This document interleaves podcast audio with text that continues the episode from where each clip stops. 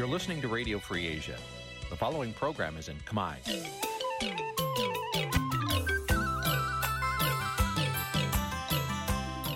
នេះជាកម្មវិធីផ្សាយ Vuthu Azizi Serai នេះជាកម្មវិធីផ្សាយរបស់ Vuthu Azizi Serai ជាភាសាខ្មែរ Vuthu Azizi Serai សូមស្វាគមន៍លោកអ្នកនាងទាំងអស់ពីរដ្ឋធានី Washington នៃសហរដ្ឋអាមេរិក ពីរដ្ឋធានីវ៉ាស៊ីនតោនខ្ញុំបាទសេកបណ្ឌិតសូមជម្រាបសួរអស់លោកអ្នកនាងកញ្ញាទាំងអស់ជាទីមេត្រីជាខ្ញុំសូមជូនកម្មវិធីផ្សាយសម្រាប់យប់ថ្ងៃសៅរ៍12កើតខែទុតិយាសាទឆ្នាំថោះបញ្ញស័កពុទ្ធសករាជ2567ត្រូវនៅថ្ងៃទី29ខែកក្កដាគ្រិស្តសករាជ2023បាទជាដំបូងនេះសូមអញ្ជើញអស់លោកអ្នកនាងស្ដាប់ព័ត៌មានប្រចាំថ្ងៃដែលមានមេតិការដូចតទៅ។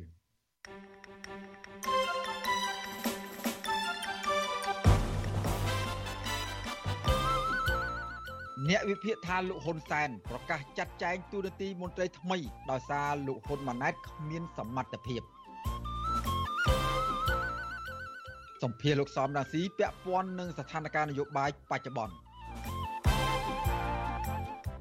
មន្ត្រីគណៈបកកណ្ដាលអំណាចទទួលស្គាល់ថាសមាជិកភាពគណៈរដ្ឋមន្ត្រីថ្មីដូចនឹងព័ត៌មានបែកធ្លាយរដ្ឋាភិបាលកាត់ដីព្រៃលិចទឹក ជិត1000ហិកតានៅខេត្តកំពង់ឆ្នាំងឲ្យទៅជាកម្មសិទ្ធិឯកជន និងស្ថាប័នរដ្ឋរួមនឹងព័ត៌មានសំខាន់សំខាន់មួយចំនួនទៀតបាទជាបន្តទៅទៀតនេះខ្ញុំបាទសេកបណ្ឌិតសូមជូនព័ត៌មានពិស្ដាបាទលោកនាងកញ្ញាជាទីមេត្រី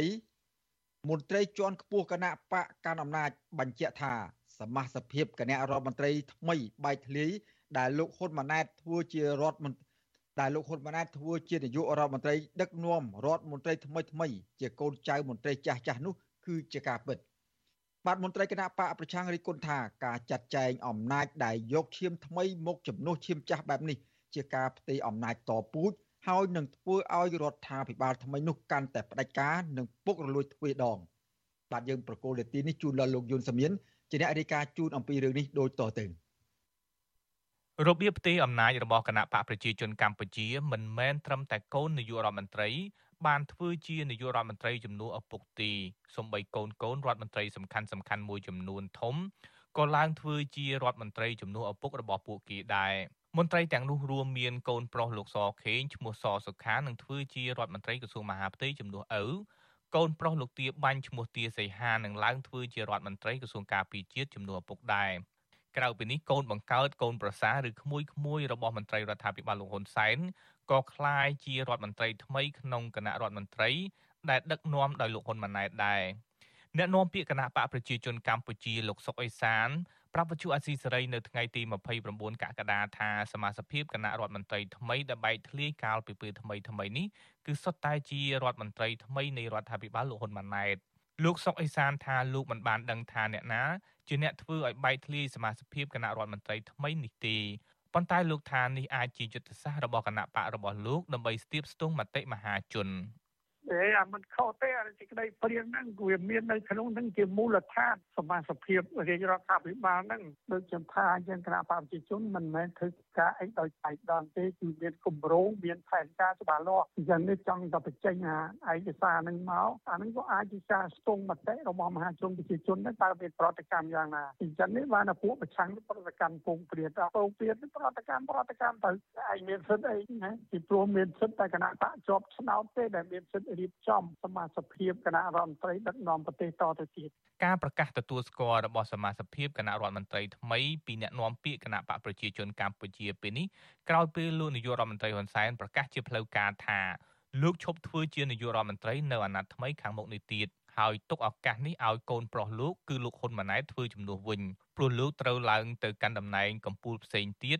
ដូចជាប្រធានឧត្តមក្រុមប្រឹក្សាព្រះមហាក្សត្រនិងជាប្រធានព្រឹទ្ធសភាជាដើមនៅថ្ងៃទី29ខែកក្កដាលោកហ៊ុនសែនចេញសារនយោបាយថ្មីមួយទៀតដោយបញ្ជាក់ថា រដ្ឋមន្ត្រីចាស់ចាស់របស់លោកនឹងបដូរធ្វើជាសមាជិករដ្ឋសភាព្រឹទ្ធសភាឬធ្វើជាទីប្រឹក្សារដ្ឋាភិបាលជាដើមលោកហ៊ុនសែនក៏សន្យាដែរថាមន្ត្រីរដ្ឋាភិបាលផ្សេងទៀតដែលមានឋានៈជារដ្ឋលេខាធិការអនុរដ្ឋលេខាធិការឬទីប្រឹក្សាជាដើម គឺនៅរក្សាមុខតំណែងដដែលតាក់ទងទៅនឹងរឿងនេះអតីតសមាជិកគណៈបកសង្គ្រោះជាតិលោកអ៊ុំសំអានយល់ថារបៀបដែលគណៈបកប្រជាជនកម្ពុជាធ្វើនេះគឺជាការផ្ទេរអំណាចតពូជមិនមែនជាការផ្ទេរអំណាច បែបទំពាំងស្នងឫស្សីនោះទេលោកបន្តទៀតថាមូលហេតុដែលលោកហ៊ុនសែនដាក់ឲ្យកូនក្មួយឬសាច់ញាតិរបស់រដ្ឋមន្ត្រីចាស់នៃរដ្ឋាភិបាលឲ្យបន្តតំណែងបែបនេះគឺដើម្បីលោកហ៊ុនសែនអាចផ្ទេរតំណែងទៅកូនប្រុសរបស់លោកបានជោគជ័យទោះបីជាយ៉ាងណាលោកថាការផ្ទេរអំណាចតពូជបែបនេះនឹងធ្វើឲ្យរដ្ឋាភិបាលថ្មីរបស់លោកហ៊ុនម៉ាណែតដែលនឹងកើតចេញនៅពេលខាងមុខដ៏ខ្លីនេះកាន់តែផ្ដាច់ការពុករលួយ ហើយអ្នករងគ្រោះគឺពលរដ្ឋ យើងសោកស្ដាយចំពោះដែលការរៀបចំឲ្យមានគណៈរដ្ឋមន្ត្រីដែលជាយុវជនបន្តពូជមិនមានជាយុវជនបន្តវេនអញ្ចឹងបាទមិនដែលមានប្រទេសណាលើពិភពលោកគេដាក់សិទ្ធិតកូនអ្នកធំធ្វើជារដ្ឋមន្ត្រីអញ្ចឹងទេសូម្បីតែប្រទេសកូរ៉េខាងជើងជាប្រទេសផ្ដាច់ការហើយកាន់អំណាចតពូជក៏គេមិនដាក់កូនគេជារដ្ឋមន្ត្រីគ្រប់ក្រសួងអញ្ចឹងដែរបាទ ពាក់ព័ន្ធទៅនឹងរឿងនេះអ្នកសិក្សាផ្នែកច្បាប់លោកវ៉ុនចាន់លូតយល់ឃើញថារដ្ឋមន្ត្រីថ្មីនៃរដ្ឋាភិបាលលោកហ៊ុនម៉ាណែតដែលនឹងកើតឡើងនៅពេលខាងមុខដ៏ខ្លីនេះជាការឆ្លុះបញ្ចាំងថាការគ្រប់គ្រងអំណាចនៅកម្ពុជាគឺគ្រប់គ្រងដោយមនុស្សមួយក្រុមប៉ុណ្ណោះដែលអ្នកទាំងនោះតាំងខ្លួនជាពលរដ្ឋវិសាមញ្ញហើយចាត់ទុកពលរដ្ឋទូទៅថាជាពលរដ្ឋសាមញ្ញឬពលរដ្ឋធម្មតាលោកយល់ថាគណៈបកកណ្ដាលអំណាចបញ្ចេញសមាជិកភាពគណៈរដ្ឋមន្ត្រីថ្មី ដែលជាការបែកធ្លាយបែបនេះអាចជាយុទ្ធសាស្ត្ររបស់គណៈបកប្រជាជនកម្ពុជា ចង់ស្ទាបស្ទង់មតិពលរដ្ឋទូទៅនិងមតិរបស់មន្ត្រីក្នុងជួរគណៈបកកាន់អំណាចផងដែរទោះបីជាយ៉ាងណាលោកវ៉ុនចាន់ឡូតយល់ថាលោកហ៊ុនសែនទំនងជាព្រួយបារម្ភពីការមិនពេញចិត្តនៃមន្ត្រីរដ្ឋាភិបាល ដែលមិនស្ថិតនៅក្នុងសមាជិកនៃគណៈរដ្ឋមន្ត្រីថ្មីទើបលោកហ៊ុនសែនចេញមុខសន្យារក្សាមុខតំណែងដល់មន្ត្រីទាំងនោះដដែល។ យុវជនវនចាន់ឡូតរិះគន់ថាអ្វីត្បិតតែលោកហ៊ុនសែនធ្វើបែបនេះអាចរក្សាស្ថិរភាពគណៈរដ្ឋមន្ត្រីថ្មីរបស់លោកហ៊ុនម៉ាណែតបានក្តីប៉ុន្តែការអោបក្រសោបបពពួករបស់ខ្លួនបែបនេះជាការខ្ជះខ្ជាយថវិកាដ៏ច្រើនលើសលប់របស់រដ្ឋ ជារឿយៗអ្នកទាំងនោះតែងកំណត់ខ្លួនឯងថាជាគេហៅថាពលរដ្ឋវិសាមញ្ញហើយឯពលរដ្ឋទូទៅយុវជនទូទៅគេកំណត់ថាជាពលរដ្ឋសាមញ្ញហើយពលរដ្ឋវិសាមញ្ញគេចង់សម្ដៅថាជាពលរដ្ឋជាខ្លួនឯងហ្នឹងដែលមាននៅអភ័យឯកសិទ្ធិអាចធ្វើអ្វីៗបានតាមតែចិត្តចង់គេចង់បានអ្វីគឺអាចបាននឹងទោះបីជាមានការបំពេបំពេញច្បាប់រំលោភច្បាប់ឬក៏យ៉ាងម៉េចក៏ដោយអ្នកទាំងអស់នោះតែងតែត្រូវបានធ្វើការសម្របសម្រួលឬក៏រួចផុតអំពីសំណាញ់ច្បាប់ មុនការបោះឆ្នោតថ្ងៃទី23កក្កដាប៉ុន្មានថ្ងៃមានការបង្ហោះសមាជិកភាពគណៈរដ្ឋមន្ត្រីថ្មីដែលដឹកនាំដោយកូនប្រុសច្បងលោកហ៊ុនសែនគឺលោកហ៊ុនម៉ាណែតធ្វើជានាយករដ្ឋមន្ត្រីចំណែកកូនប្រុសលោកសខេងឈ្មោះសសុខាកាន់តំណែងជារដ្ឋមន្ត្រីក្រសួងមហាផ្ទៃជំនួសឪពុកលោកកូនប្រុសលោកសាយឈុំប្រធានព្រឹទ្ធសភាគឺលោកសាយសំអាលបដូរពីរដ្ឋមន្ត្រីក្រសួងបរិស្ថានទៅធ្វើជារដ្ឋមន្ត្រីក្រសួងដែនដីនគររូបនីយកម្មនិងសំណង់ ជំនួសលោកជាសភារារីឯកូនប្រសាររបស់លោកជាសភារា គឺលោកអៀងសុផលឡែតឡើងធ្វើជារដ្ឋមន្ត្រីក្រសួងបរិស្ថានវិញគណៈរដ្ឋមន្ត្រីថ្មីដែលមានឈាមថ្មីជាសាច់ញាតិកូនក្មួយរដ្ឋមន្ត្រីរបស់លោកហ៊ុនសែនក៏រក្សាទុករដ្ឋមន្ត្រីជិត10%ដូចជាលោកអូនពាន់មនីរតបន្តគ្រប់គ្រងក្រសួងសេដ្ឋកិច្ចលោកកើតរិទ្ធបន្តគ្រប់គ្រងក្រសួងយុតិធធលោកហងជួននរុនបន្តដឹកនាំក្រសួងអប់រំ ចំណែករដ្ឋមន្ត្រីស្ត្រីអ្នកស្រីភឿងសក្កណាធ្វើជារដ្ឋមន្ត្រីក្រសួងវប្បធម៌និងវិចិត្រសិល្បៈអ្នកស្រីអឹងគុនថាភាវី បន្តធ្វើជារដ្ឋមន្ត្រីក្រសួងកិច្ចការនារីដដែលខ្ញុំយុនសាមៀនវិទ្យុអាស៊ីសេរីប្រធានាធិបតី Washington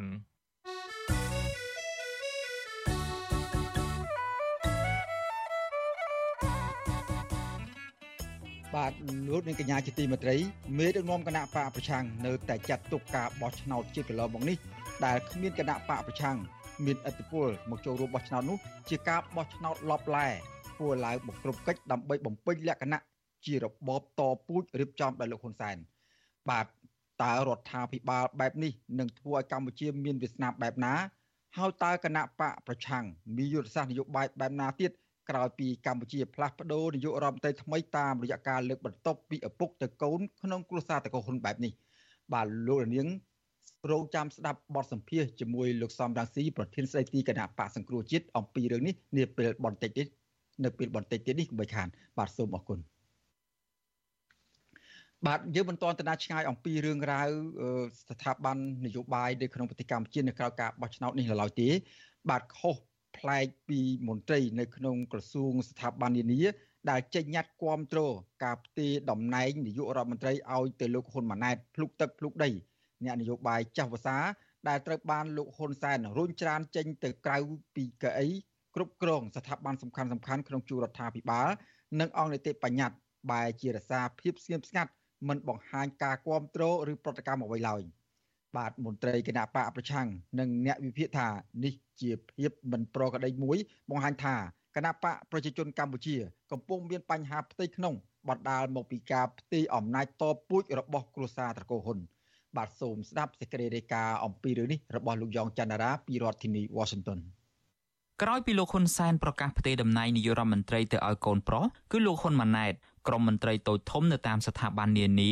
ព្រមទាំងក្រុមអុកញ៉ាផង បានចេញញត្តិគាំទ្រជាបន្តបន្ទាប់ទៅតាមប្រពៃណីដែលពួកគេហាក់ដឹងពីទូនីតិដែលពួកគេត្រូវធ្វើ។ ក៏ប៉ុន្តែនៅក្នុងចំណោមអ្នកគ្រប់គ្រងទាំងនោះគេមិនឃើញមានមន្ត្រីសំខាន់សំខាន់មួយចំនួនដែលមានអធិបុលនៅក្នុងថ្នាក់ដឹកនាំរដ្ឋាភិបាលរួមមានរដ្ឋមន្ត្រីក្រសួងមហាផ្ទៃលោកសខេង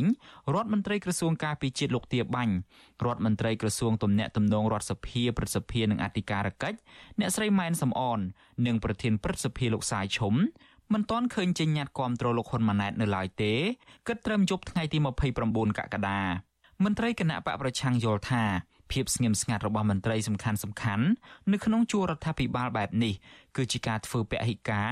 ដែលបង្ហាញពីការមិនសប្បាយចិត្តចំពោះការបែងចែកអំណាចរបស់លោកហ៊ុនសែនអតីតតំណាងរាជគណៈបកសង្គ្រោះជាតិលោកអ៊ុំសំអានចាត់ទុកអ្នកដែលជាញាតគាំទ្រអនាគតនាយករដ្ឋមន្ត្រីថាជាមនុស្សអែបអប ខណៈការរក្សាភាពស្ងៀមស្ងាត់របស់មន្ត្រីធំធំ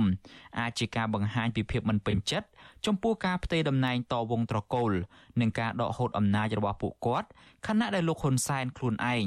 បែរជាទៅគ្រប់គ្រងស្ថាប័នកម្ពុជាកម្ពុជារបស់ជាតិទៅវិញ។ លោកបន្តថាមេដឹកនាំផ្ដាច់ការរូបនេះទំនងជាមើលឃើញពីភាពចម្រូងចម្រាសនៃការផ្ទេរតំណែងឲ្យកូនប្រុសទើបលោកប្រញាប់ប្រញាល់សម្រេចកិច្ចការនេះស្របពេលដែលលោកជាមនុស្សចូលចិត្តច្បាមយកអំណាចគ្រប់គ្រងតែម្នាក់ឯងហើយគៀបសង្កត់អ្នកនៅក្រោមបញ្ជា ដើម្បីសម្រេចតាមបំណងរបស់ខ្លួន។ លោកហ៊ុនសែនហ្នឹងឲ្យគេទៅកាន់តំណែងខ្យល់ហើយខ្លួនឯងហ្នឹងទៅកាន់តំណែងកម្ពុជាកម្ពុជាដែលមានអំណាចជាងមុនទៅទៀតណាហើយក្នុងពិភពលោកក៏មិនដែលមានប្រទេសណាដែលមានឪពុកកាន់តំណែងជាប្រមុខរដ្ឋស្ដីទីហើយកូនជានាយករដ្ឋមន្ត្រីអញ្ចឹងទេប្រទេសផ្ដាច់ការប្រទេសកុម្មុយនីក៏អត់មានដែរយើងមើលមើលក្នុងរដ្ឋធម្មនុញ្ញគេចែងច្បាស់ហើយការបែងចែកដាច់ពីគ្នានៃអំណាចទាំង3ដល់ឲ្យកូនហ្នឹងកាន់អង្គនីតិប្រតិបត្តិនិងនីតិបញ្ញត្តិហើយណាអញ្ចឹងមានតុល្យភាពអំណាចពីណាមកណា កាលពីថ្ងៃទី26កក្កដាលោកហ៊ុនសែនបានប្រកាសថាលោកនឹងចាក់ចេញពីតំណែងជានាយករដ្ឋមន្ត្រី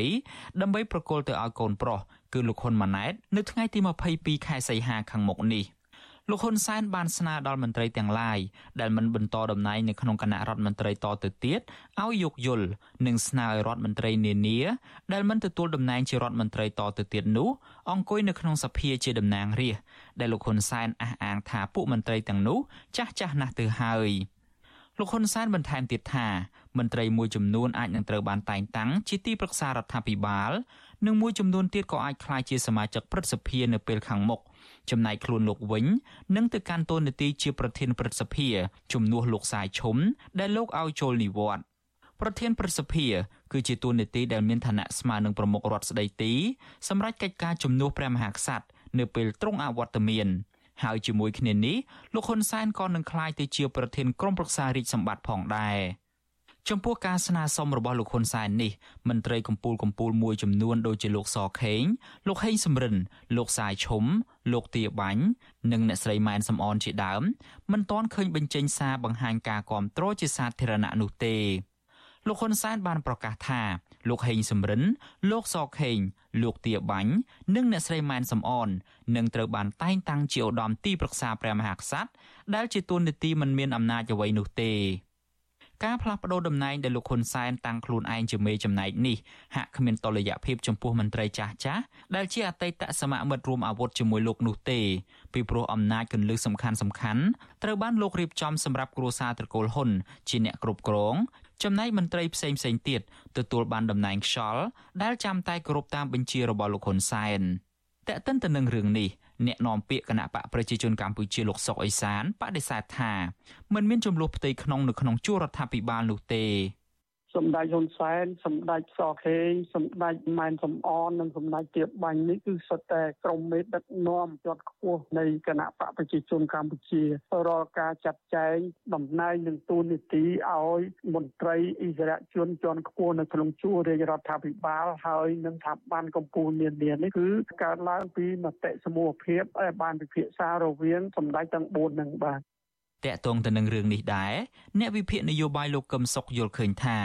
ការបំផុសឲ្យមានញត្តិគ្រប់គ្រងលោកហ៊ុនម៉ាណែតបង្ហាញថាអនាគតនាយករដ្ឋមន្ត្រីរូបនេះខ្វះប្រជាប្រិយភាពនិងការគ្រប់គ្រងពីសមាជិកគណៈបកទាំងមូលជាពិសេសនៅក្នុងគណៈកម្មាធិការអចិន្ត្រៃយ៍ លោកបន្តថាមូលហេតុដែលមន្ត្រីជាន់ខ្ពស់គណៈបកប្រជាជនកម្ពុជាមិនគាំទ្រលោកហ៊ុនម៉ាណែតដោយសារតែការផ្ទេរតំណែងនេះគ្រាន់តែជាការបំភាន់និងកិច្ចពីការដាក់សម្ពាធរបស់ប្រទេសប្រជាធិបតេយ្យដែលអាចធ្វើឲ្យកម្ពុជាទាំងមូលធ្លាក់នៅក្នុងវិបត្តិសង្គមនិងសេដ្ឋកិច្ចធ្ងន់ធ្ងរ វិបត្តិវានឹងកើតមានឡើងធំណាស់សម្រាប់ប្រទេសកម្ពុជា ទាំងវិបត្តិសេដ្ឋកិច្ចពាណិជ្ជកម្មការអត់ការងារធ្វើវិបត្តិបំណុលភាពក្រីក្ររបស់ប្រជាពលរដ្ឋខ្មែររហូតទៅដល់ឈានធ្លាក់ទៅក្នុងវិបត្តិសង្គមធ្ងន់ធ្ងរហើយមួយវិញទៀតជួបនឹងវិបត្តិសង្គមនេះហ៊ុនម៉ាណែតមិនអាចដោះស្រាយបញ្ហាបានទេក៏វាកើតទៅជាវិបត្តិនៃសង្គ្រាមផ្ទៃក្នុងគណៈបកប្រជាជនកម្ពុជាកាន់តែខ្លាំងក្លាឡើង កាលពីខែមីនាកន្លងទៅរដ្ឋមន្ត្រីក្រសួងការពារជាតិលោកទាបាញ់និងកូនប្រុសរបស់លោកគឺលោកទាសីហា បានចេញមុខមកអះអាងថាគ្រួសាររបស់លោកគាំទ្រលោកហ៊ុនម៉ាណែតជានាយករដ្ឋមន្ត្រីក្រោយពេលសារព័ត៌មានអន្តរជាតិមួយចុះផ្សាយថារដ្ឋមន្ត្រីការពារជាតិកម្ពុជាដ៏មានឥទ្ធិពលមិនគ្រប់គ្រងនិងអាចធ្វើឲ្យប៉ះពាល់ដល់ផែនការរបស់លោកហ៊ុនសែននៅក្នុងការប្រគល់អំណាចទៅឲ្យកូនប្រុសរបស់គាត់។ រឿងរ៉ាវនេះបានបង្កការសង្ស័យថាគណៈបកប្រជាជនកម្ពុជា កំពុងមានបញ្ហាផ្ទៃក្នុងចំណែករដ្ឋមន្ត្រីក្រសួងមហាផ្ទៃលោកសខេងវិញ កាលពីចុងឆ្នាំ2021លោកបានចេញសេចក្តីថ្លែងការណ៍ថាលោកនឹងគាំទ្រសេចក្តីសម្រេចរបស់គណៈបកប្រជាជនកម្ពុជានៅក្នុងការជ្រើសតាំងលោកហ៊ុនសែនប្រធានគណៈបកប្រជាជនកម្ពុជា ជានាយករដ្ឋមន្ត្រីបន្តទៅទៀត។ ហើយលោកក៏នឹងគោរពតាមការសម្រេចរបស់លោកហ៊ុនសែនសម្រាប់ការជ្រើសរើសបេក្ខជននាយករដ្ឋមន្ត្រីនាពេលអនាគតដែរមន្ត្រីគណៈបកប្រឆាំងនិងអ្នកវិភាគលើកឡើងថាប្រសិនបើមន្ត្រីសំខាន់សំខាន់ទាំងនោះនាំគ្នាលើកទង់ជ័យសសុំចោះចាញ់និងយល់ស្របតាមហិច្ចតារបស់លោកហ៊ុនសែនមែននោះ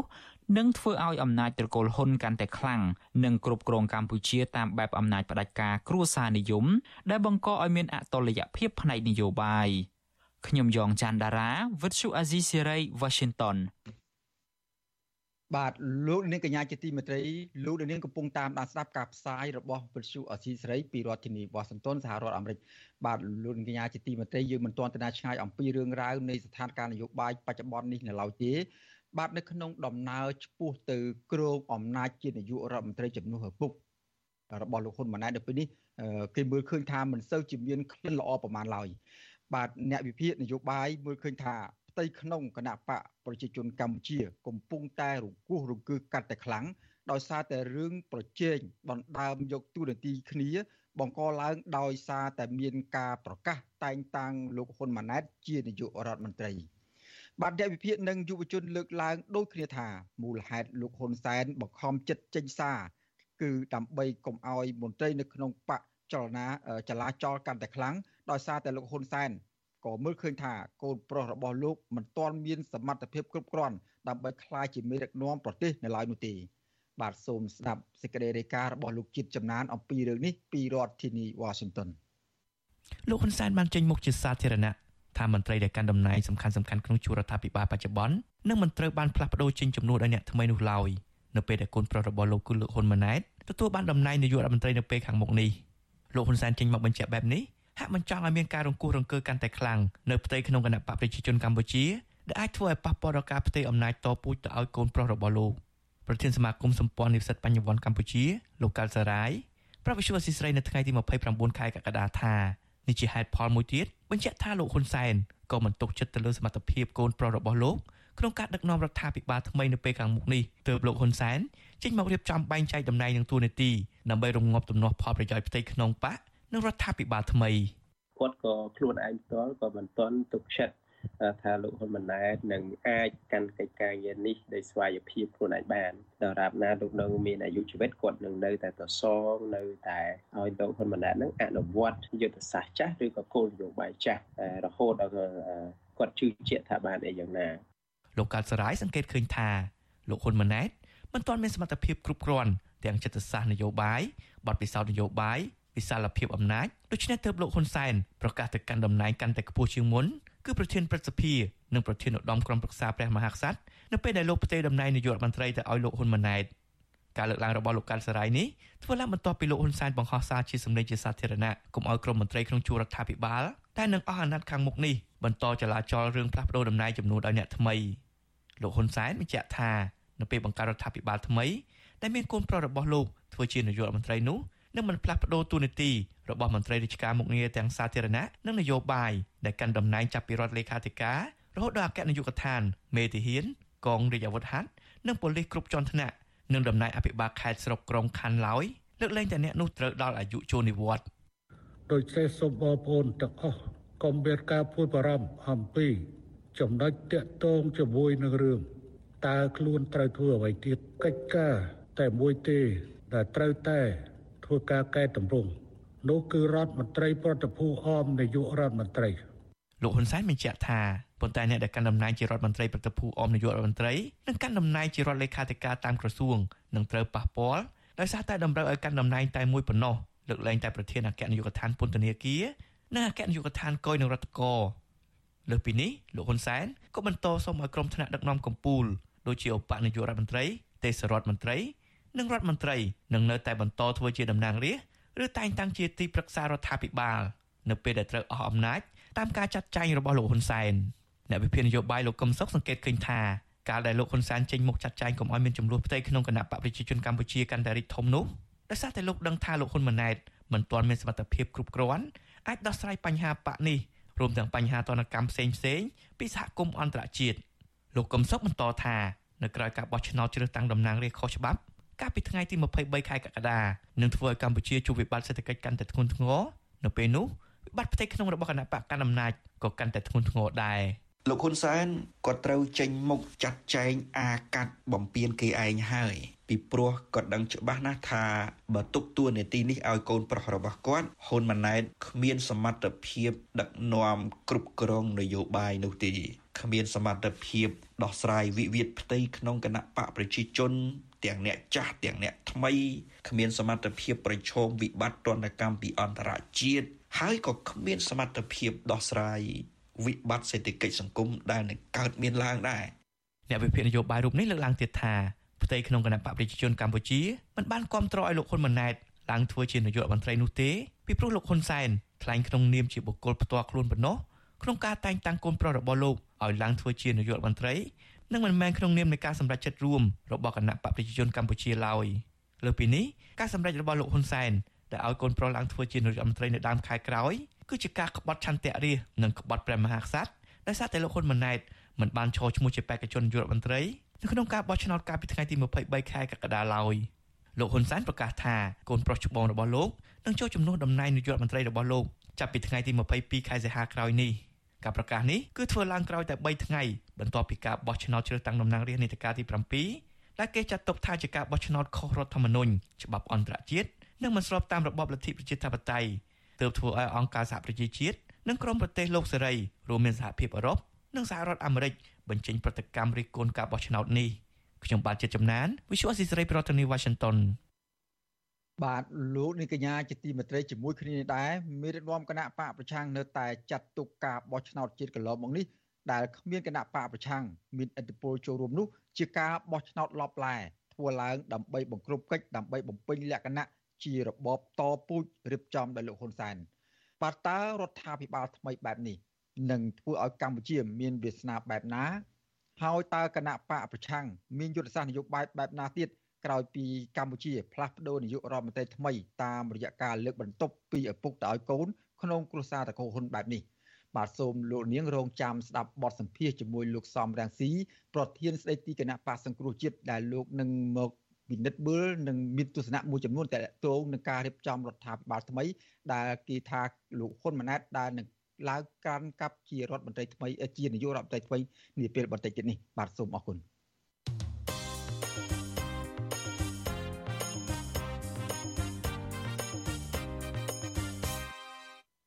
បាទលើនេះសូមងាកចេញពីរឿងរ៉ាវស្ថានភាពនយោបាយនៅក្នុងប្រទេសកម្ពុជាហើយនាំលោកនាងទៅកលេចមើល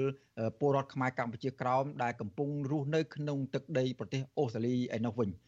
បាទប្រជាពលរដ្ឋខ្មែរក្រោមរស់នៅប្រទេសអូស្ត្រាលីជិត100នាក់បានប្រមូលផ្ដុំគ្នានៅខាងមុខស្ថានទូតវៀតណាមក្នុងទីក្រុងកងបេរ៉ារដ្ឋធានីនៃប្រទេសអូស្ត្រាលីក្នុងគោលបំណងធ្វើបាតកម្មប្រឆាំងនឹងការធ្វើទរណកម្មអមនុស្សធម៌របស់អាជ្ញាធរវៀតណាម ដែលប្រព្រឹត្តទៅលើយុវជនខ្មែរក្រោមនៅដែនដីកម្ពុជាក្រោមបាទពលរដ្ឋខ្មែរក្រោមនៅឯនីសមុទ្រទាមទាររដ្ឋាភិបាលវៀតណាមត្រូវតែគោរព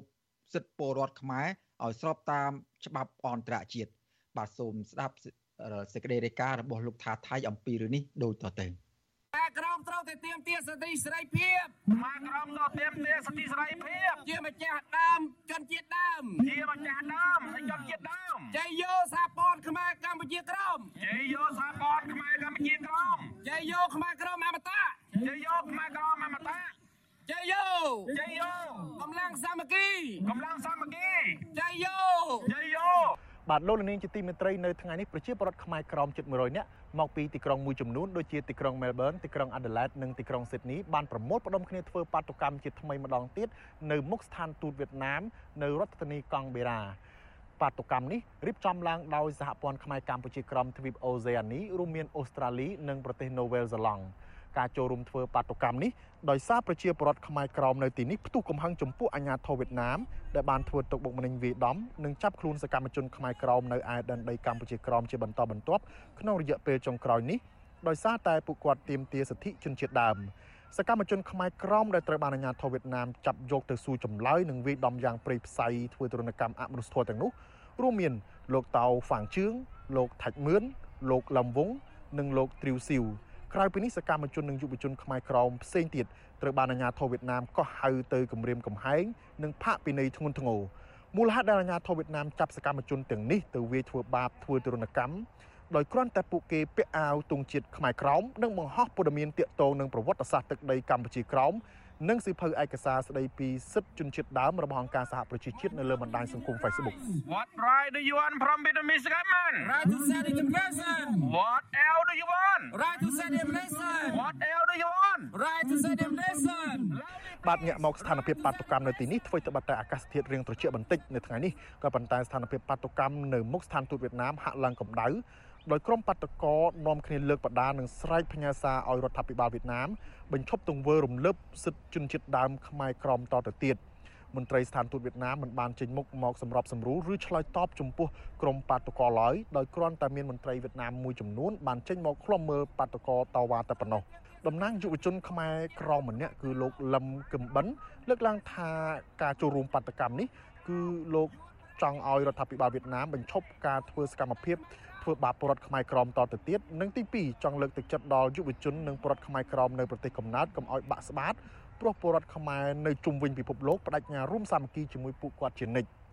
លោកអំពីវនីវឲ្យពលរដ្ឋខ្មែរក្រមងើបឡើងតវ៉ាទាមទារសិទ្ធិជនជាតិដើមដោយអហិង្សាដូចជាយុវជនយើងទាំងអស់ដែលកំពុងរស់នៅលើដែនដីកម្ពុជាក្រោមនឹងសូមកុំបាក់ទឹកចិត្តសូមតស៊ូនឹងឲ្យរឹងមាំឡើងដោយសារពួកយើងអឺ មានយើងពួកយើងជាសុនយើងពួកយើងជាជនជាតិដើមជនជាតិដើមខ្មែរក្រមអញ្ចឹង indigenous people អញ្ចឹងយើងជាជនជាតិដើមអញ្ចឹងយើងមានសិទ្ធិមានសិទ្ធិក្នុងការបញ្ចេញមតិហើយយើងមានច្បាប់អង្គការសហប្រជាជាតិដែលទទួលស្គាល់ យើងជាជនជាតិដើមដូច្នេះយើងកុំខ្លាចបងប្អូនខ្មែរក្រមដែលនៅក្រៅហ្នឹងគឺមិនអោយបងប្អូនខ្មែរក្រមយុវជនយើងហ្នឹងរងាទេពួកយើងនៅតែតាមជួយតាមជួយនៅតាមក្បែរចនិចដូច្នេះបងប្អូនបងប្អូនទាំងអស់ឲ្យរឹងមាំកុំកុំកុំចាញ់សម្លុតនៅការគៀបសង្កត់ឬគម្រាមរបស់អាជ្ញាធរវៀតណាមបាទក្រៅពីតវ៉ានៅមុខស្ថានទូតវៀតណាម ក្រុមអ្នកតវ៉ាក៏បានជួបជុំគ្នាដាក់ញត្តិទៅស្ថានទូតប្រទេសប្រជាធិបតេយ្យធំធំជាច្រើនទៀតដូចជាស្ថានទូតសហរដ្ឋអាមេរិកស្ថានទូតបារាំងអាល្លឺម៉ង់និងស្ថានទូតសហភាពអឺរ៉ុបជាដើមដើម្បីសុំឲ្យជួយអន្តរាគមន៍ទៅរដ្ឋាភិបាលវៀតណាមឲ្យគោរពសិទ្ធិពលរដ្ឋខ្មែរក្រមដែលជាជនជាតិដើមចុងក្រោយពួកគាត់ក៏បានជួបជុំគ្នាលើកបដាតវ៉ានៅមុខសភាសហព័ន្ធអូស្ត្រាលីផងដែរដោយពួកគាត់មានគោលបំណងដូចគ្នាគឺជំរុញឲ្យរដ្ឋាភិបាលអូស្ត្រាលីដាក់សម្ពាធ ទៅលើរដ្ឋាភិបាលវៀតណាមឲ្យគោរពសិទ្ធិជនជាតិដើមគឺពលរដ្ឋខ្មែរក្រមនៅដែនដីកម្ពុជាក្រមហើយប្រសិនបើរដ្ឋាភិបាលវៀតណាមមិនធ្វើតាមទេពួកគាត់ទាមទារឲ្យរដ្ឋាភិបាលអូស្ត្រាលីផ្តាច់ជំនួយផ្សេងៗទៅរដ្ឋាភិបាលវៀតណាមតែម្ដង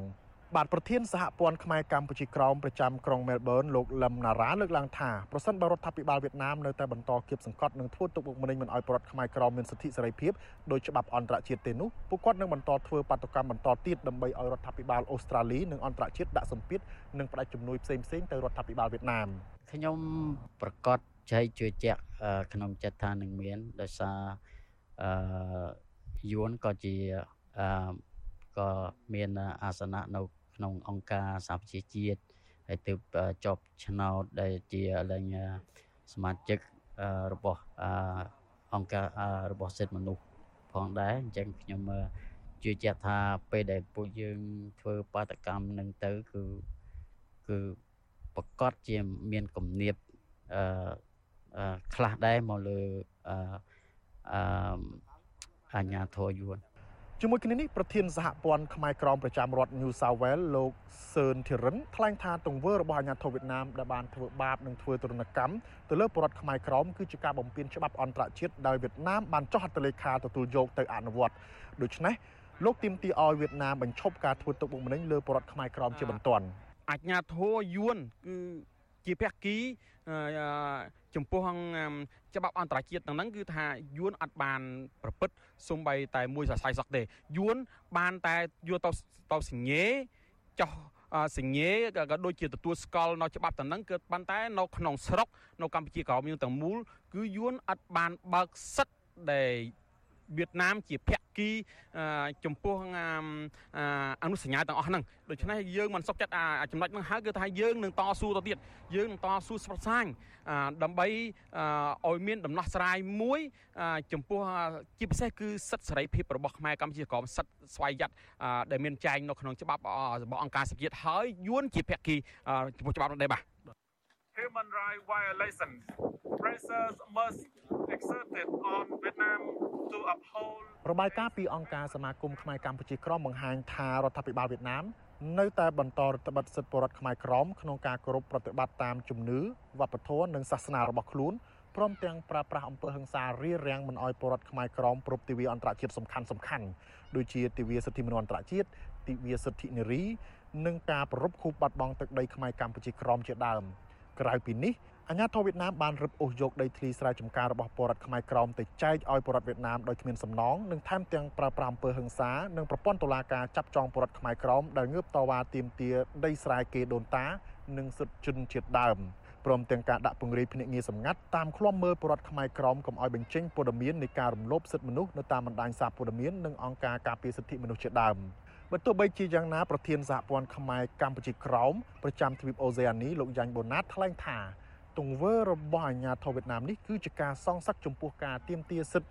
ជនជាតិដើមរបស់ពលរដ្ឋខ្មែរក្រោមលោកទាមទារឲ្យរដ្ឋាភិបាលវៀតណាមគោរពសិទ្ធិជនជាតិដើមដែលប្រទេសនេះបានទទួលស្គាល់សេចក្តីប្រកាសជាសកលស្តីពីសិទ្ធិជនជាតិដើមរបស់អង្គការសហប្រជាជាតិអាណានិគមបារាំងបានកាត់ទឹកដីខ្មែរកម្ពុជាក្រោម ឲ្យទៅវៀតណាមទាំងខុសច្បាប់កាលពីថ្ងៃទី4ខែមិថុនាឆ្នាំ1949រយៈពេលជាង70ឆ្នាំមកនេះដែលវៀតណាមបានគ្រប់គ្រងទឹកដីកម្ពុជាក្រោមវៀតណាមបានប្រើប្រាស់គ្រប់មធ្យោបាយដើម្បីបំបត្តិអត្តសញ្ញាណនិងសាសនាខ្មែរកម្ពុជាក្រោមក៏ប៉ុន្តែបើទោះបីជាយ៉ាងណាប្រជាពលរដ្ឋខ្មែរក្រោមបានតស៊ូនឹងពលិកម្មគ្រប់បែបយ៉ាងដើម្បីពុបហេតុការពារទឹកដីវប្បធម៌និងជំនឿសាសនារបស់ខ្លួននៅដែនដីកម្ពុជាក្រោម បើទោះបីជាមានការគៀបសង្កត់ពីសំណាក់អាជ្ញាធរវៀតណាមបែបណាក្តីអ្នកតស៊ូខ្លះត្រូវបានគេកាប់សម្លាប់ខ្លះត្រូវរងទរណកម្មនិងត្រូវជាប់ឃុំដោយសត្វធាតុក៏ប៉ុន្តែប្រជាពលរដ្ឋខ្មែរក្រមមិនបោះបង់ចោលការតស៊ូទាមទារសិទ្ធិស្វ័យសម្រេចជោគវាសនារបស់ខ្លួនឡើយខ្ញុំថាថៃរាយការណ៍ពីមុខរដ្ឋសភាសហព័ន្ធអូស្ត្រាលីនៅរដ្ឋធានីកង់បេរ៉ាបាទលោកនាងកញ្ញាជាទីមេត្រីឥឡូវនេះយើងងាកពីប្រទេសអូស្ត្រាលីមក តាមដានស្ថានភាពនយោបាយនៅក្រៅការបោះឆ្នោតជាតិដែលទើបនឹងបញ្ចប់ថ្មីថ្មីនេះហើយនៅពេលនេះដែរលោកនាយករដ្ឋមន្ត្រីហ៊ុនសែនកំពុងតែរៀបចំសកម្មខ្លាំងណាស់រៀបចំក្រាលកំរាលព្រំរៀបចំចដាដើម្បីឲ្យកូនប្រុសរបស់លោកគឺលោកហ៊ុនម៉ាណែតឡើងទៅកាន់ជានាយករដ្ឋមន្ត្រីថ្មីដែលលោកផ្ទេមុខតំណែងនេះទៅឲ្យលោកហ៊ុនម៉ាណែតនៅពេលខាងមុខនេះបាទទន្ទឹមនឹងការរៀបចំដំណើរឲ្យកូនឡើងទៅកាន់តំណែងនាយករដ្ឋមន្ត្រីជំនួសលោកនៅពេលនេះដែរនេះគឺថាយើងកំពុងតែធំក្លិនមិនល្អអំពីក្នុងចង្កោមនៃគ្រួសារតកោហ៊ុននិងក្នុងចង្កោមមន្ត្រីជាន់ខ្ពស់ក្នុង រដ្ឋាភិបាលលោកហ៊ុនសែននេះបាទឥឡូវនេះដើម្បីចង់ដឹងថាតើដំណឹះតទៅមុខទៀតរដ្ឋាភិបាលដែលដឹកនាំដោយលោកហ៊ុនម៉ាណែតដែលគ្រូនឹងដឹកនាំដោយលោកហ៊ុនម៉ាណែតដោយមានការរៀបចំពីលោកហ៊ុនសែនបែបនេះនឹង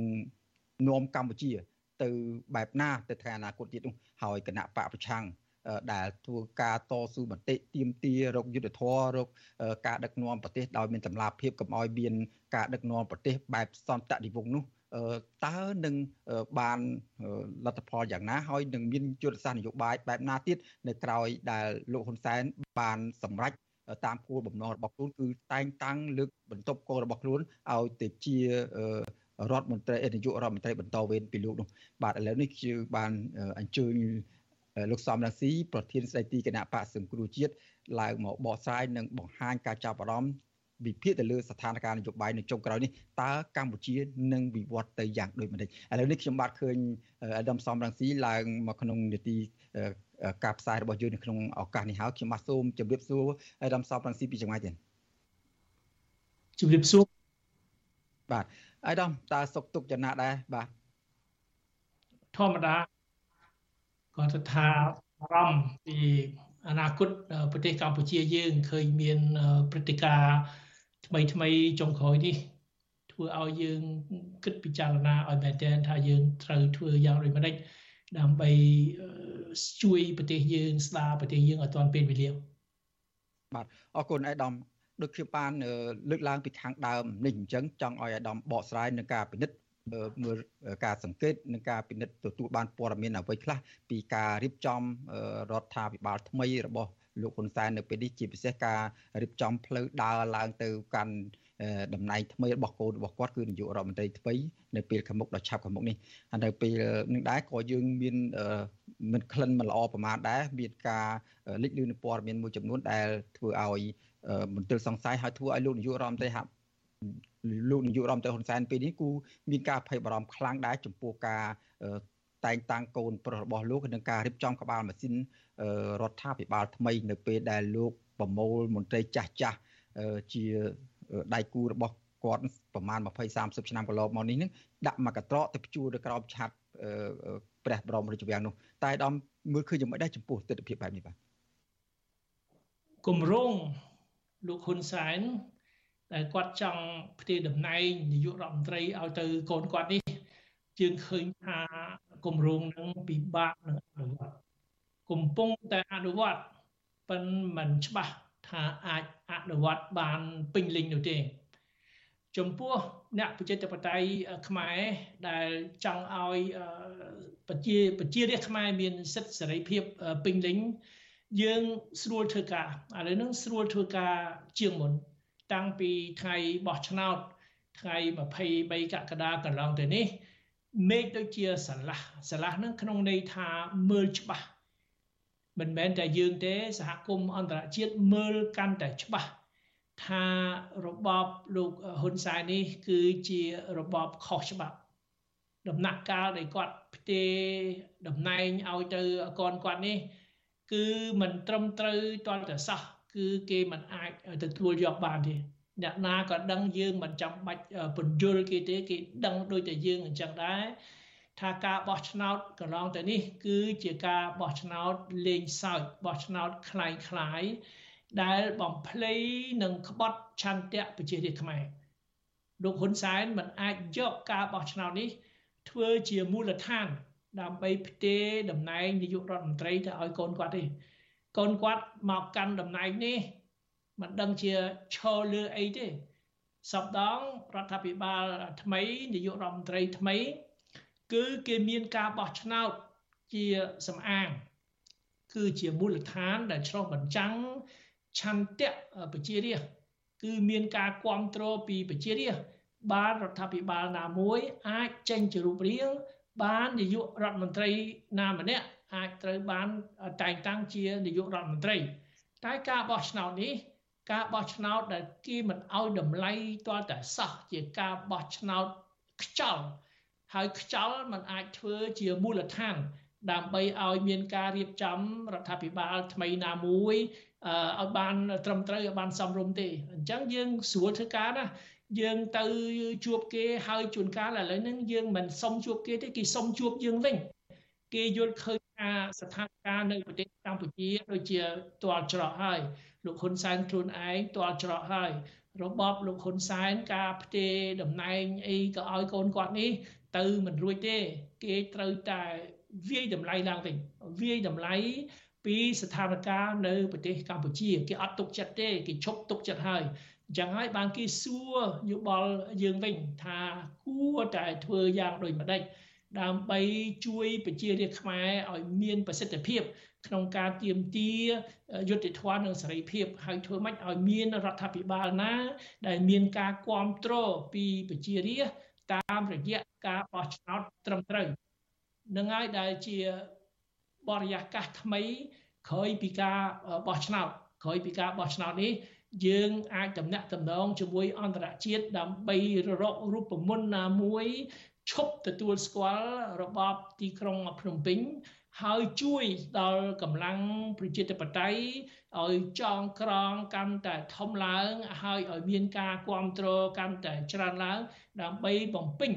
សកម្មភាពប្រជាធិបតេយ្យរបស់យើងជំរុញឲ្យប្រទេសកម្ពុជា បានទទួលបានស្គាល់នៅលទ្ធិប្រជាធិបតេយ្យពិតប្រាកដបាទអរគុណអាយដាមអឺមុននេះអាយដាមមានប្រសាសន៍ថាការជំរុញឲ្យលោកហ៊ុនម៉ាណែត កូនប្រុសច្បងរបស់លោកហ៊ុនសែនឡើងទៅកាន់នាយករដ្ឋមន្ត្រីជំនួសឪពុកនៅពេលនេះមិនពេញលេញទេចង់បានការបញ្ជាក់ពីអាយដាមថាមិនពេញលេញនឹងមិនពេញលេញបែបម៉េចហើយទន្ទឹមពីនេះដែរតើអាយដាមមានបានទទួលព័ត៌មានផ្ទៃក្នុងពីគណៈបកប្រជាជនកម្ពុជាយ៉ាងម៉េចទេចំពោះការរៀបចំគណៈរដ្ឋមន្ត្រីថ្មីនិងប្រមូលរដ្ឋមន្ត្រីជាន់ខ្ពស់ចាស់ចាស់មានទីបាញ់មានរដ្ឋមន្ត្រីទី សុខាភិបាលជាតិលោកសខេងរដ្ឋមន្ត្រីក្រសួងមហាផ្ទៃជាដើមស្ទើរជាមន្ត្រីធំធំក្រាក់ក្រាក់ហើយមានប្រវត្តិដឹកនាំប្រទេសនឹងយូរឆ្នាំមកហើយប៉ុន្តែឥឡូវនេះឲ្យតែអង្គុយម្ដុំស្ថិតនៅក្រោមការគ្រប់គ្រងរបស់លោកហ៊ុនសែនក្រោមឆាត់ក្រមប្រឹក្សាធម្មនុញ្ញក្រមក្រមប្រឹក្សាអង្គ5មហាក្សត្របាទឧត្តមក្រមប្រឹក្សាអង្គ5មហាក្សត្រហើយ ថ្មីថ្មីទៀតល្ងាចមិញនេះលោកហ៊ុនសែនហាក់បីដូចជាមានការឡើងប្រកាសមកបន្ទាន់មួយដែលធ្វើការមានការសង្ស័យថាដោយបញ្ជាក់និងសន្យាថា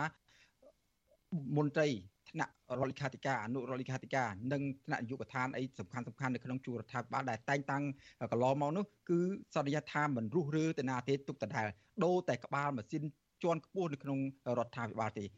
តើបញ្ហានេះនឹងធ្វើឲ្យរដ្ឋាភិបាលថ្មីដែលគ្រូនឹងរៀបចំខាងមុខនេះ វានឹងច្បុកច្បល់យ៉ាងម៉េចទេអាយដាមបើតាមអាយដាមបានទូព័ត៌មាននោះបាទដែលអ្វីលោកហ៊ុនសែនគាត់ផ្ទេរតំណែងចង់ផ្ទេរតំណែងឲ្យទៅកូនគាត់យ៉ាងតក់ក្រហល់ពីដើមទីអត់មានត្រូវផ្ទេរតំណែងភ្លាមភ្លាមក្រោយពីការបោះឆ្នោតភ្លាមនោះទេលោកហ៊ុនសែនគាត់ឈរជាបេក្ខជននាយករដ្ឋមន្ត្រី យ៉ាងហោចណាស់គាត់ត្រូវតែធ្វើនាយករដ្ឋមន្ត្រីមួយរយៈពេលសិនទៅប្រហែលឆ្នាំទៅពាក់កណ្ដាលអាណត្តិទៅអានឹងអាចមាននីតិវិធីដើម្បីផ្ទេរតំណែងដើម្បីជ្រើសរើសនាយករដ្ឋមន្ត្រីថ្មី ស្រាប់តែឥឡូវនេះគាត់ប្រកាសធ្វើឲ្យគេឆ្ងល់ភ្ញាក់ផ្អើលគ្រប់គ្នាឲ្យសង្ស័យថាមានអ្វីមួយមានបញ្ហាអ្វីមួយហើយក្នុងជួរគណៈបកប្រជាជនកម្ពុជា ហើយការដែលផ្ទេរតំណែងនេះយ៉ាងតក់ក្រហល់នេះ គឺជាអំពើទុច្ចរិតបោកបញ្ឆោតប្រជារាស្ត្រថាគាត់ខ្លួនគាត់ឈរជាបេក្ខជននាយករដ្ឋមន្ត្រី មានន័យថាបោះឆ្នោតហើយគាត់ត្រូវតែធ្វើជានាយកនាយករដ្ឋមន្ត្រីពិតប្រាកដហើយចាំប្រហែលឆ្នាំពាក់កណ្ដាលអាណត្តិអីចឹងទៅបានគាត់ផ្ទេរប៉ុន្តែវាមានពេលគិតផ្ទេរ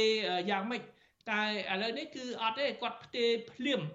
គឺជាការបោកបញ្ឆោតពីព្រោះការបោះឆ្នោតអ្នកណាឈរជាបេក្ខជននាយករដ្ឋមន្ត្រីអ្នកនោះត្រូវតែធ្វើជានាយករដ្ឋមន្ត្រីពីព្រោះដូចជាយើងផប្រជារាស្ត្រស្រាប់តែខ្លួនឯងឈរខ្លួនឯងជាពិសេសមិនមែនរឿងសមត្ថភាពទេហ៊ុនសែនគាត់មានបទពិសោធន៍គាត់គម្រាមកំហែងគេគាត់បញ្ជាកជបលួចបន្លំសន្លឹកឆ្នោតគាត់ ទិញគាត់បញ្ចុះបញ្ចូលឯអានោះល្បិចគាត់ដែលគាត់ប្រើរាប់សិបឆ្នាំមកហើយគាត់យកមកប្រើដើម្បីឲ្យគាត់បានឈ្នះឆ្នោតឈ្នះឆ្នោតដោយលួចបន្លំនេះ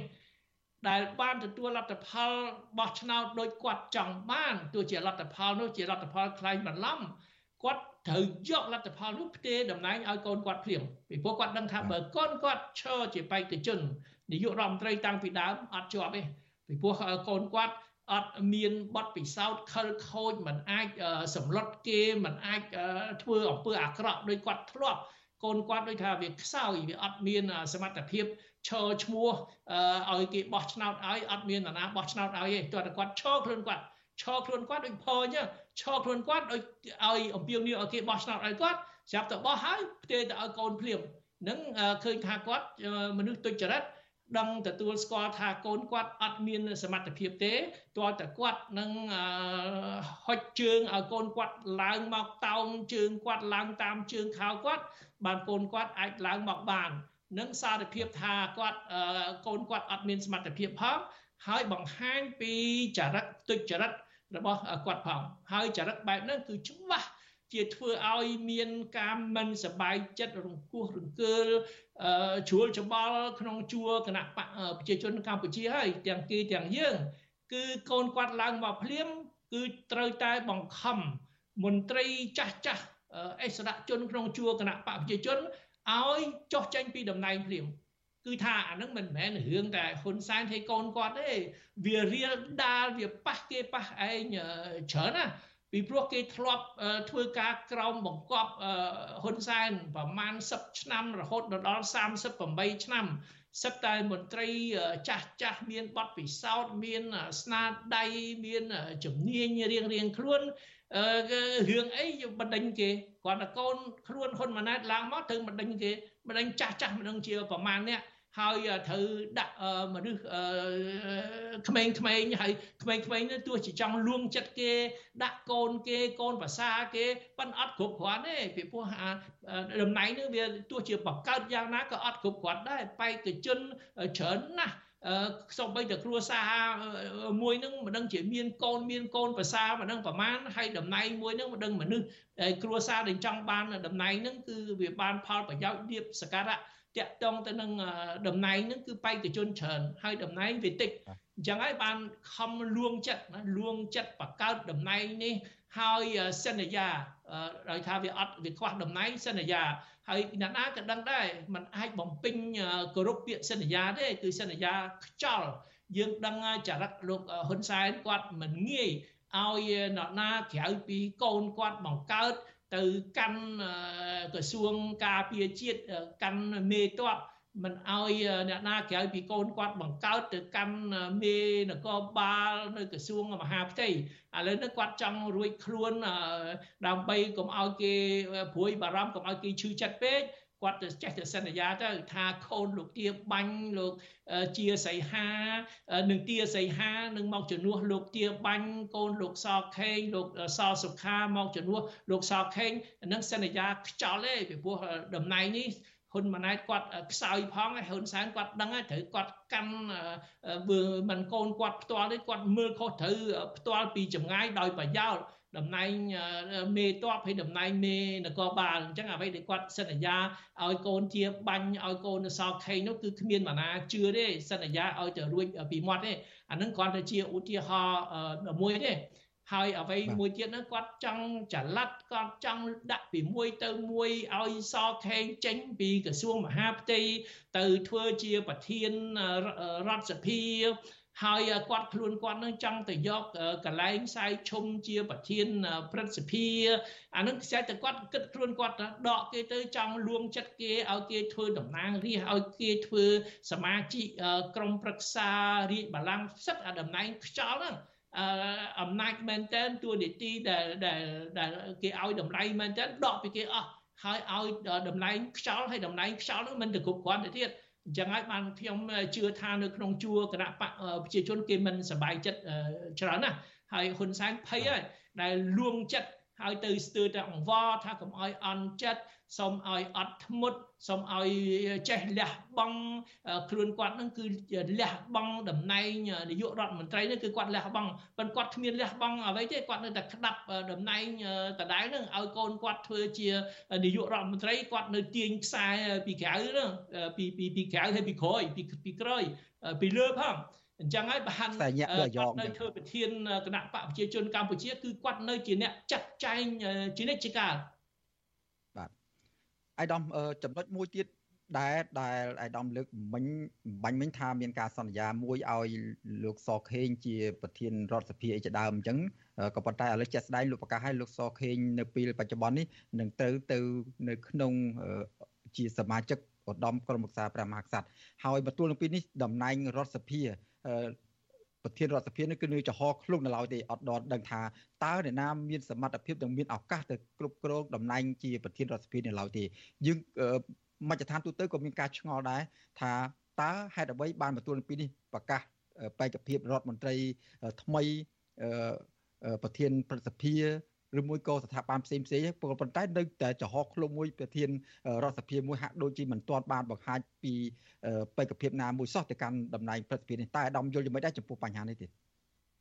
រឿងនេះយើងឃើញតាំងពីពេលប្រហែលខែមុនណាប្រហែលកន្លះឆ្នាំមុនជិតមួយឆ្នាំហើយ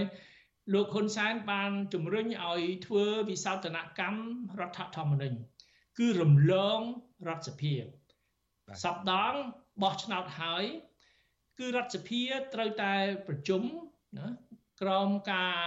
ក្រមអធិបតីភាពនៃប្រធានរដ្ឋសភាដែលត្រូវបោះឆ្នោតជ្រើសរើសប្រធានរដ្ឋសភាថ្មីហើយប្រធានរដ្ឋសភាថ្មីត្រូវសួរណាតំណាងរាស្ត្រទាំងអស់មកពីគ្រប់គណៈបកនយោបាយទាំងអស់ហើយរដ្ឋសភានឹងជាអ្នកស្នើជាអ្នកស្នើបែកភាពនាយករដ្ឋមន្ត្រីផ្ញើទៅថ្វាយព្រះមហាក្សត្រអញ្ចឹងត្រូវឆ្លងកាត់រដ្ឋសភាត្រូវឆ្លងកាត់ ប្រធានរដ្ឋសភាតែលោកហ៊ុនសែនគាត់រំលងអវិសោធនកម្មគាត់លើរដ្ឋធម្មនុញ្ញគឺរំលងរំលងប្រធានរដ្ឋសភារំលងរដ្ឋសភាគឺរំលងតំណាងរាស្ត្រទាំងអស់មានន័យថាម៉េចមានន័យថាគាត់អត់ទុកចិត្តពីព្រោះប្រធានរដ្ឋសភាហើយតំណាងរាស្ត្រមួយចំនួនអាចប្រឆាំងប្រឆាំងអ្វីដែលលោកហ៊ុនសែនចង់បាន គឺតែងតាំងលោកហ៊ុនម៉ាណែត អញ្ចឹងហើយបានវិសោធនកម្មនោះគាត់ថាមិនបាច់ទេមិនបាច់រដ្ឋសភាប្រធានរដ្ឋសភាទេគឺខ្លួនគាត់ក្នុងឋានៈគាត់ជាប្រធានគណៈបកដែលទទួលសរុបឆ្នោតហើយអាសនៈនៃរដ្ឋសភាបានច្រើនជាងគេគាត់ស្នើទៅព្រះមហាក្សត្រផ្ទាល់ហើយព្រះមហាក្សត្របើព្រះអង្គសពតិគឺឆ្លើយមកខ្លួនគាត់ផ្ទាល់ហើយពេលនោះគឺរដ្ឋសភាដោយគេរំលងគឺត្រូវតែទទួលយកទទួលយក នាយករដ្ឋមន្ត្រីថ្មីតាមសំណើហ៊ុនសែនឥឡូវគាត់នៅតែព្រួយបារម្ភចឹងពីព្រោះមិនដឹងថាពីនឹងទៅត្រូវឆ្លងកាត់ណាត្រូវការបោះឆ្នោតច្បាប់ហើយរដ្ឋសភានោះក៏អាចមានសិទ្ធិបោះឆ្នោតទម្លាក់ទម្លាក់នាយករដ្ឋមន្ត្រីដែរទម្លាក់រដ្ឋាភិបាលទាំងមូលអញ្ចឹងទោះជាហ៊ុនម៉ាណែតឥឡូវបានត្រូវតែងតាំងធ្វើជានាយករដ្ឋមន្ត្រីតែ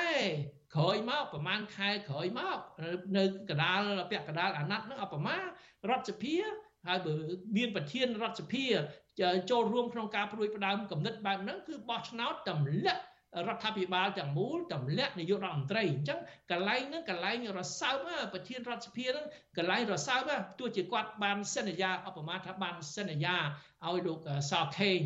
ធ្វើជាប្រធានរដ្ឋសភាពេលលោកសខេងចេញពីក្រសួងមហាផ្ទៃតែឥឡូវគាត់ដូរចិត្តហើយគាត់ថាអត់ស្រួលទេស្ថានភាពប្រហែលក្តៅហើយក្តៅពេកហើយបើបកគលតំណែងប្រធានរដ្ឋសភាឲ្យទៅសខេងគឺសខេងគាត់នឹងមានលទ្ធភាពបោះឆ្នោតទម្លាក់ រដ្ឋាភិបាលថ្មីទម្លាក់ហ៊ុនម៉ាណែតដែលជានាយករដ្ឋមន្ត្រីថ្មីតាមគម្រោងរបស់គាត់អញ្ចឹងហើយត្រូវគិតឡើងវិញទាំងអស់តែគិតឡើងវិញនេះគឺនឹងមានផលវិបាកទៀតម្ដងប្រាប់គេអញ្ចេះ ម្ដងប្រាប់គេចុះយកគេត្រឡប់តលិនពីនេះទៅនោះឲ្យលួងចិត្តគេឲ្យតំណែងខ្ចលតំណែងទៅតែបង្កើតថ្មីថ្មីមនុស្សគេចេះគិតបន្តិចគេមិនតែឆោតទៅចាញ់បោកហ៊ុនសែនទទួលអាតំណែងខ្ចល់មកមកនឹកស្មានថារួមចិត្តគេអត់ទេធ្វើប្រព្រឹត្តអំពើអយុត្តិធម៌ចំពោះគេគេឈឺចិត្តណា អញ្ចឹងហើយបានហ៊ុនសែនភ័យធ្វើឲ្យគេឈឺចិត្តឈឺចាប់ច្រើនណាគេរងចាំឱកាសណាមួយដើម្បីទប់ស្កាត់មិនឲ្យគម្រោងហ៊ុនសែននេះធ្វើអីបានតាមតែចិត្តឥឡូវនេះបានតែងតាំងបានតែងតាំងជាបេក្ខភាពរបស់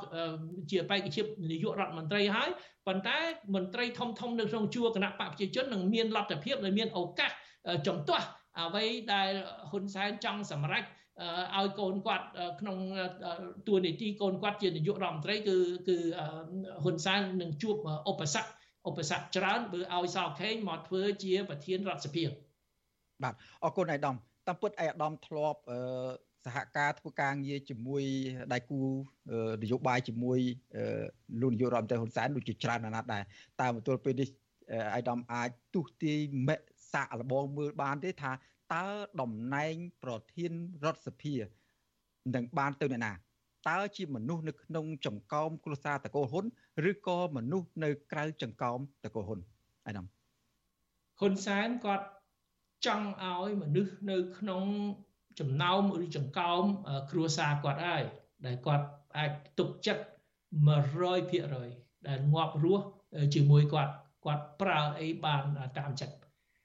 បើมันមានប្រភេទមនុស្សប្រភេទបែបហ្នឹងទេគឺគាត់មិនអាចបកគលតំណែងបែបហ្នឹងដែលមានសារៈសំខាន់បែបហ្នឹងបានទេដោយខ្ញុំនិយាយបាញ់មិញខ្ញុំអត់ជឿទាល់តែសោះថារដ្ឋមន្ត្រីក្រសួងការពារជាតិគឺកូនទាបាញ់អត់ទេ គឺហ៊ុនម៉ាណែតខ្លួនឯងនឹងអាចធ្វើនាយករដ្ឋមន្ត្រីផងអាចធ្វើរដ្ឋមន្ត្រីក្រសួងការពារជាតិផងពេលស្ថានភាពតឹងតែងដូចមានសង្គ្រាមមានអីនាយករដ្ឋមន្ត្រីធ្វើជាធ្វើជារដ្ឋមន្ត្រីក្រសួងការពារជាតិផងដែរដូច្នេះតលជាតកូលហ៊ុនសែនអាចកូនហ៊ុនសែនផ្ទាល់ហើយក្រសួងមហាផ្ទៃក៏អញ្ចឹងដែរហើយឥឡូវប្រធានរដ្ឋសភាក៏អញ្ចឹងដែរអញ្ចឹងហ៊ុនសែនមានតែសន្យា សន្យាពីម្នាក់ទៅម្នាក់វិលត្រឡប់តលិនទៅធ្វើឲ្យគេឈឺក្បាលឬគេឈឺចិត្ត គ្រប់គ្នាអញ្ចឹងអត់ទាន់ដោះស្រាយបានទេ